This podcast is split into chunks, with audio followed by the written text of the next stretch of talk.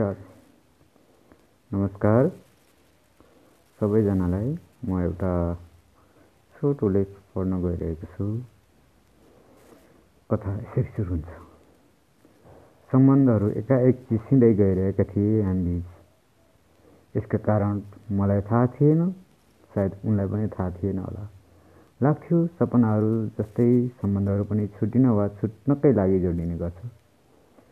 जो जोडिने बेलामा प्रत्येक पल प्रत्येक निमेष हामीमाझ प्रिय थियो। तर जब हामी बिच कुनै कारण नहुँदैन यस सम्बन्धमा चिसोपन आयो। एक निमेष एक पल हामी एकअर्कामा भएको सम्बन्धको तितो अवशेषहरूलाई आकलन गरी हामी दुई बिच एक खाडल तयार गऱ्यौँ जुन खाडल पूर्ण सायदै सम्भव थियो। हामी एक अर्को बिच आफैमा विद्रोही भयौँ। साधारण तरिकाबाट सुरु भएको प्रेमले मानिसलाई औचित्यहीन दिशातर्फ दिशातर्फ लैजान्छ भन्ने उखान यहाँ सार्थकता पायो। पहिला जुन मिठासहरू हुन्थे हामी बिच अहिले त्यो शब्दहरू तितो लाग्न थालेका छन्। अनि ती अनुहार पनि पहिला जति कोमल लाग्थ्यो आज त्यही मुहारमा निष्प्रेम र निर्दयीपन झल्किन्छ। आखिर यो सब नाटक किन गरेको? के को लागि हो? प्रिय म उत्तरको खोजीमा छु र यसको उत्तर तिमी बाहेक कुनै व्यक्तिकरण गरिने छैन। हो मलाई मैले तिमीलाई प्रेम गर्थेँ र अहिले पनि गर्छु तर यसको मतलब यो होइन कि मेरो जन्मभूमि र मातृत्वभन्दा बढी तिमीलाई प्रेम गर्न सक्दिनँ। मेरो आमाको आवश्यकता एउटा पछ्यौरा छ। अहिले कठाङ्ग्रिँदो जाडोमा म तिमीलाई कुनै सपिङ महलमा गएर कुनै ब्रान्डको ज्याकेट टी सर्ट वा जिन्सको प्यान्ट किनिदिन असमर्थ छु।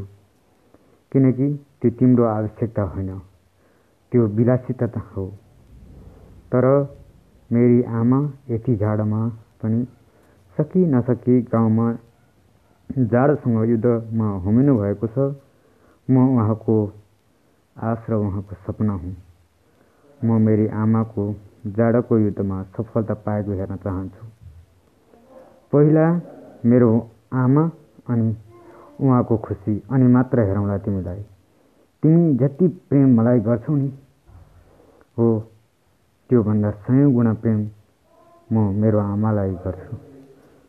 सानोमा मेरी आमाले मलाई जाडोमा कठाङ्ग्रिँदा उहाँलाई उहाँले मलाई स्तनपान गराई न्यानो बनाएर राख्नुभयो म त्यो बिर्सिन सक्दिनँ।